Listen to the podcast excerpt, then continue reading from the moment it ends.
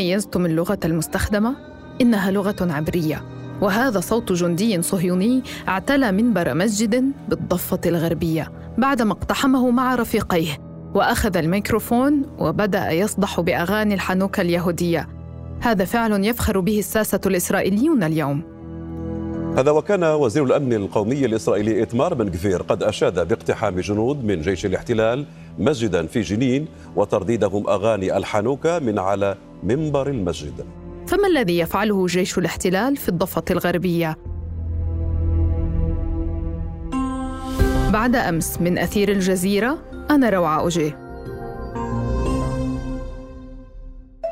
عندما تفتحون نشرة الأخبار اليومية ستبدو لكم الصورة غامضة في الضفة الغربية. أخبار تتكرر يومياً عن اقتحامات وانسحابات لجيش الاحتلال. اجتياح رابع لقوات الاحتلال الإسرائيلي لمخيم نور شمس في طول كرم شمال الضفة الغربية خلال أسبوعين. قوات الاحتلال استهدفت ما تبقى من بنى تحتية في المخيم وخربت كافة ملامح الحياة فيه. والاعتقالات تحدث بالجملة والمستوطنون يعيثون في الأرض فسادا. ضموا علينا غاز ضموا على الناس غاز فلفل بين كل بروح. ما كملناش الصلاة كويس بسرعة. مستوطنين طبعا. ولكن إذا نظرنا من بعيد إلى ما يحدث بالضفة الغربية بعد السابع من أكتوبر ستبدو الأوضاع مقلقة للغاية فلا رقيب ولا حسيب على جرائم الاحتلال. السلام عليكم يعطيكم العافية. أنا الصحفي منتصر نصار مراسل قناة الجزيرة في محافظة الخليل جنوب الضفة الغربية. منتصر بداية دعنا نرسم خارطة الاقتحامات في الضفة الغربية. لو أردنا ذكر أبرز المناطق التي يقتحمها ويضيق عليها جيش الاحتلال كيف ستبدو الخارطة؟ فيما يتعلق بخارطة الاقتحامات اللي بتمارسها قوات الاحتلال في الضفة الغربية بعد 7 أكتوبر لم تسلم محافظة ولا مدينة من اقتحامات الاحتلال بشكل يومي. لا تكاد تمر ليلة أو يوم إلا ويقتحم فيها الاحتلال كل محافظات الضفة الغربية. لكن الاقتحامات تركزت أكثر في شمال الضفة الغربية تحديدا في جنين وفي طول كرم وفي نابلس. والمحافظتين اللي كانوا أكثر تضررا في موضوع الاقتحامات جنين ونابلس تحديدا جنين ومخيمها اللي تم اقتحامه أكثر من مرة بعدد كبير من الآليات والجرافات وكان في تدمير للبنية التحتية وكان في عدد كبير من الشهداء والجرحى والإصابات وكذلك الأمر في طول كرم مخيم نور شمس مخيم طول كرم وحتى محافظة طول كرم. الاحتلال كان يقتحم بشكل مستمر وبشكل متواصل يعني مخيم نور شمس في طول كرم في غضون أسبوعين تم اقتحامه أربع مرات. في كل مرة بكون في دمار هائل وكبير. والإشي المهم كمان أنه ما بعد 7 أكتوبر في جنين وفي طول كرم شفنا شكل جديد بتستخدم قوات الاحتلال. آخر مرة استخدمته فيه بالضفة الغربية كان عام 2000 و2001 و2002 إبان عملية السور الواقي اللي اجتاحت فيها إسرائيل كل الضفة الغربية. آنذاك الاحتلال كان يقصف بطائرات الأباتشي وبالصواريخ بعد 7 أكتوبر في جنين وفي طول كرم تحديدا كان في استخدام للمسيرات الإسرائيلية والطائرات أيضا وكان في قصف لمساجد في مخيم جنين وكان في قصف لبيوت ومنازل في طول كرم وسقط الكثير من الشهداء جراء استخدام الاحتلال لهذه السياسة تحديدا سياسة القصف بالطائرات لكن لا يعني ذلك أن المحافظات الأخرى لم تشهد اقتحامات يعني في رام الله كمان من 20 سنة لم نشهد اشتباكات مسلحة وسط مدينة رام الله إلا بعد 7 أكتوبر. الخليل كمان آه، جنوب الضفة الغربية الخليل يوميا يتم اقتحامها. يسجل أعلى حالات الاعتقال كانت في الخليل. الخليل كمان مغلقة تماما مداخل مخارج والاحتلال يحكم الإغلاق والسيطرة عليها. هذا كله بعد 7 أكتوبر طبعا. بعض التقديرات تقول إن المستوطنين هجروا ما لا يقل عن 111 أسرة فلسطينية من وادي الصيق وتلال جنوب الخليل إلى أين تذهب هذه الأسر التي يتم طردها؟ فيما يتعلق بمخططات التهجير اللي مارستها سلطات الاحتلال بعد 7 أكتوبر الاحتلال والمستوطنين استغلوا الأحداث القائمة في 7 أكتوبر وتحديدا ما يجري في قطاع غزة من أجل آه، التوسع الاستيطاني في محافظات الضفة الغربية. اشتغلوا على سياسة التجمعات السكانية الملاصقة للمستوطنات آه، في مناطق رام الله والتركيز أكثر والضرر الكبير كان في الخليل وجنوب الخليل تحديدا. آه، في مناطق زنوتة مثلا جنوب الخليل تم تهجير سكان هذا التجمع بالكامل بالغ عددهم حوالي 450 نسمة.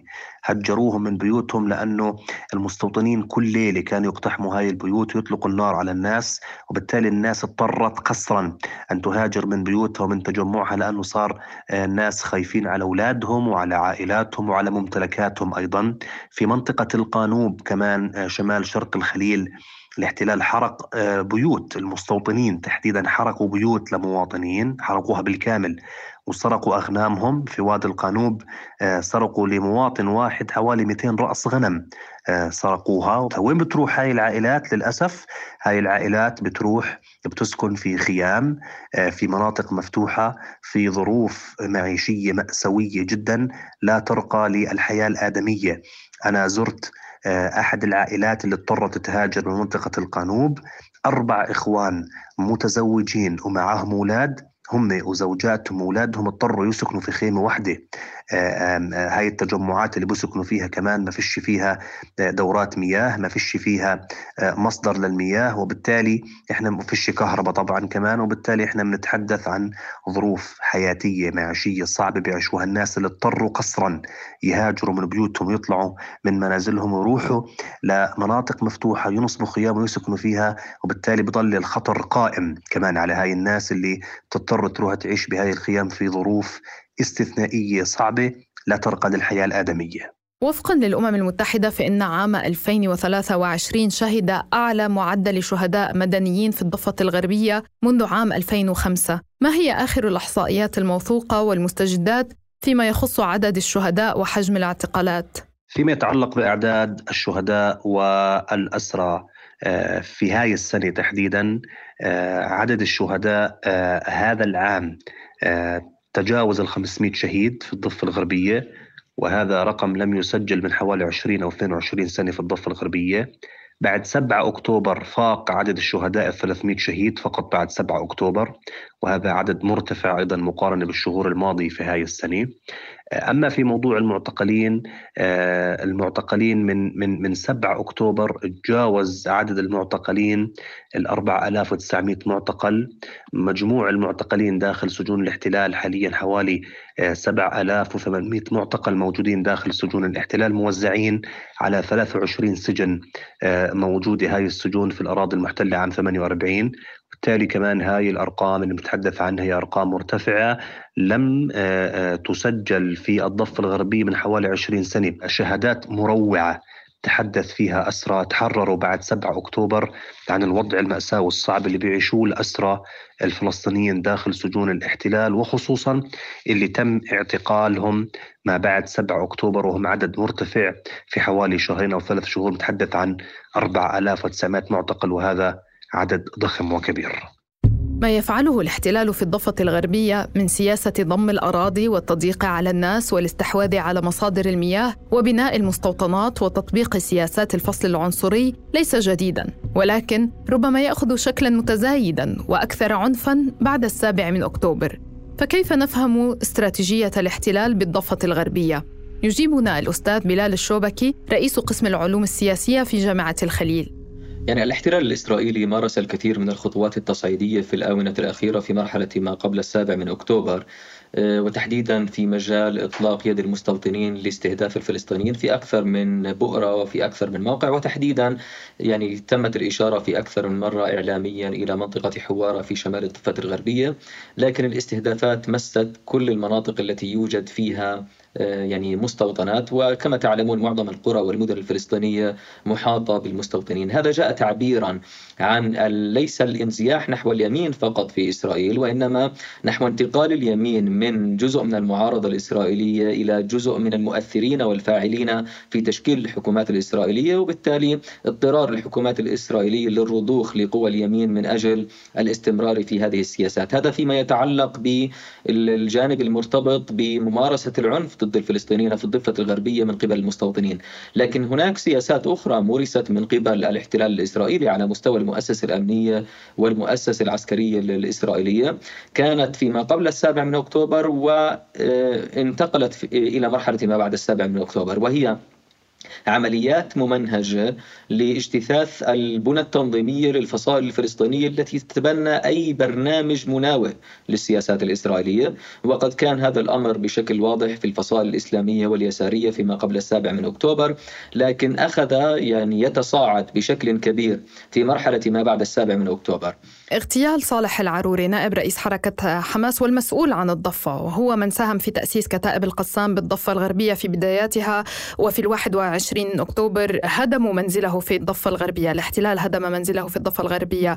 هذا الاغتيال بالنسبة لما يحدث اليوم في الضفة وبالنسبة لهذه المخاوف التي ذكرتها ما الذي يعنيه؟ على المستوى الآني عملية الاغتيال ستؤثر ب يعني شحذ همم الفلسطينيين في الضفة الغربية خصوصا أولئك الذين ينتمون لذات الفصيل الذي ينتمي إليه العرورة. لكن على المدى البعيد لا أرى أن تغييرات جوهرية ستشهدها الضفة الغربية بناء على عملية الاغتيال هذه. وما أقصده هنا بالرغم من عملية اغتياله أنها يعني تعتبر ضرب للسلسلة التنظيمية لحركة حماس إلا أن حركة حماس وكذلك بقية الفصائل الفلسطينية الفلسطينية قد أثبتوا قدرتهم على ترميم أي أضرار تنظيمية ناتجة عن عمليات اغتيال. كما شهدنا التفاعل في الضفة الغربية. لم يكن تفاعلا من قبل أبناء حركة حماس فحسب وإنما تفاعلا عابرا للفصائل الفلسطينية. ربما هذا يعني ما يميز آه، الشيخ صالح العروري في الفترة الأخيرة أنه نظر إليه نظرة آه، تقدير واحترام من قبل كثير من الفصائل الفلسطينية على اعتبار أنه تبنى آه، خطابا وحدويا ومقدرا لجهود كافة الفصائل الفلسطينية بما فيها حركة فتح التي يعني كانت على خلاف واسع حتى هذه اللحظة مع حركة حماس. تحدثت عن مستويين للعنف في الضفة مستوى المستوطنين ومستوى عنف الدولة. مؤخرا تزايدت النداءات والمطالبات الغربية من فرنسا وألمانيا وغيرهما من الدول بوقف العنف الإسرائيلي في الضفة الغربية خصوصا من جانب المستوطنين. بعض الدول الأوروبية ذهبت حد وصفه بالإرهاب إرهاب المستوطنين. هل ترى لهذه المطالبات تأثيرا رادعا على الاحتلال؟ لا أظن ذلك لأن هذه المطالبات كما يعني تفضلت وأشرت إليها هي عبارة عن مطالبات ولم تصل إلى الحد الذي يمكن القول فيه أنها تشكل ضغطا على الاحتلال الإسرائيلي حتى تصبح لمثل هذه المطالبات معنى وأثر سياساتي في إسرائيل لابد لها أن تترافق مع آه، حديث مع آه، يعني أمور ضاغطة على إسرائيل بمعنى أنها جمل شرطية يجب أن تكون. إذا لم تكف إسرائيل عن إطلاق يد المستوطنين فما الذي يمكن أن تقوم به تلك الدول سواء كانت الولايات المتحدة الأمريكية أو بعض الدول الأوروبية؟ لأنه حتى أمريكا يعني أبدت امتعاضا من سلوك المستوطنين واتخذت خطوات شكلية برأيي حين مثلا منعت إصدار تأشيرات لبعض الأفراد الذين يعني اتهموا بممارسة أعمال عنف ضد الفلسطينيين يعني عندما تتحدث عن ذلك يأخذني إلى أيضا انتقاد المندوبة الأمريكية لدى الأمم المتحدة لشخصي إيتمار بن كفير وسموتريتش في الحكومة الإسرائيلية وليس الحكومة وأداء الدولة الإسرائيلية. بالحديث عن إيتمار بن غفير شاهدنا أيضا مع بداية العدوان مقاطع لوزير الأمن القومي وهو يسلح المستوطنين. كيف نفهم دور المستوطنين ضمن الاستراتيجية الإسرائيلية بالضفة الغربية؟ إسرائيل يبدو أنها تعود آه، إلى ممارسة سياسات مرحلة التأسيس. بمعنى أنه هذا الانزياح نحو اليمين يريد أن ينتقل بالصراع من آه، من مرحلة إدارة الصراع لأنه كما تعلمون يعني تبنت الكثير من الأحزاب الإسرائيلية منذ مرحلة خمسينات القرن الماضي وحتى فترة قريبة مسألة إدارة الصراع وتحقيق مكاسب تدريجية من خلال يعني تقليص آمال وأحلام الفلسطينيين وهذا مورس من قبل كل الأحزاب الإسرائيلية حتى تلك الأحزاب التي كانت مستعدة للتسوية السياسية مع الفلسطينيين. الآن هناك رؤية جديدة والضفة الغربية هي تقع في قلبها هذه الرؤية. بالانتقال إلى حسم الصراع بالنظر وهذا كان تقدير سموتريتش وبن كفير. آه، وتحديدا سموتريتش هو الذي أسس نظريا من خلال خطة حسم الصراع التي قدمها بأن الظرف الراهن هو يسمح لإسرائيل بأن تنهي الصراع وفقا لرؤيتها. وبنيامين نتنياهو بالمناسبة إن دفع يعني ربما في بعض الأحيان مقتنعا بمثل هذا الخطاب أن الظرف مواتي للدرجة التي ظهر فيها في أحد المنابر الأممية ليقول أن الفلسطينيين لا يشكلوا سوى نسبة بسيطة جدا لا تذكر من العرب ويمكن تجاوزهم على اعتبار أنه قد أنهى ملف الصراع مع العرب ولم يعد سوى صراع جزئي مع الفلسطينيين يمكن تجاوزه. التسليح المستوطنين في الضفة الغربية يأتي ضمن هذه الرؤية أنهم مستعدين ل القيام بعمليات ممنهجة، يعني في السابق كانت العمليات تمارس من قبل أفراد، الآن بدأوا بتشكيل تنظيمات أو إعادة تشكيل تنظيمات موجودة وتوسيع هذه التشكيلات لتشمل كافة المناطق بحيث تمارس هجمات ضد الفلسطينيين تجعل من حياة الفلسطينيين في الضفة الغربية جحيم. أنا ليلاس كيلاني صحفية ومدققة معلومات في المرصد الفلسطيني. لتدقيق المعلومات والتربية الإعلامية تحقق. وبعمل ب مجال الإعلام في مجموعة مسار بمدينة روابي بمحافظة رام الله. ليلاس أنت تعيشين اليوم في محافظة جنين وتذهبين إلى رام الله يوميا. أخبرينا عن يومك الاعتيادي منذ خروجك صباحا إلى العمل. ما الفروقات التي رصدتيها بشأن سلوك الاحتلال منذ السابع من أكتوبر؟ لما أطلع من جنين لمدينة روابي برام الله أول سؤال بنسأل بالسيارة أي طريق أحسن؟ أو بلغتنا هيك هي أي طريق سالكة. وسالكة بتعني إما الطريق الأقل آه، مرورا بمستوطنات يعني أقل تعرضا لخطر اعتداءات المستوطنين أو الطريق اللي آه، الحواجز الاحتلالية غير مغلقة بالكامل. بالتالي هذا أول سؤال. قد يكون قبل آه، أي سلام حتى. لنعرف كيف رح نتوجه. حتى لما أوصل بعد هاي المعاناة لمدينة روابي داخل محافظة رام الله نفسها. في خطر دائما بأنه يكون في حاجز أو يتم إغلاق إحدى الحواجز الرابطة ما بين مدينة روابي ومدينة رام الله. وبالتالي كل فلسطيني هو أسير في بقعة معينة هو قدر يوصلها بصعوبة خلال هاي الفترة. فمثلا اليوم خلال ذهابي لدوامي في مدينة روابي تفاجأنا بأنه تم وضع بوابة حديدية على الطريق الأساسي الواصل ما بين مدينتي رام الله وروابي وأيضا تم وضع مكعبات إسمنتية على مدخل مدينة روابي الأساسي والرئيسي وهذا عند العشاء يدل على أنه رح يكون في تواجد دائم أو شبه دائم لجنود الاحتلال على هاي النقاط. أه وبالتالي هذا هو الواقع الفلسطيني. كل يوم في شيء جديد يضيق أكثر على حياة الفلسطينيين.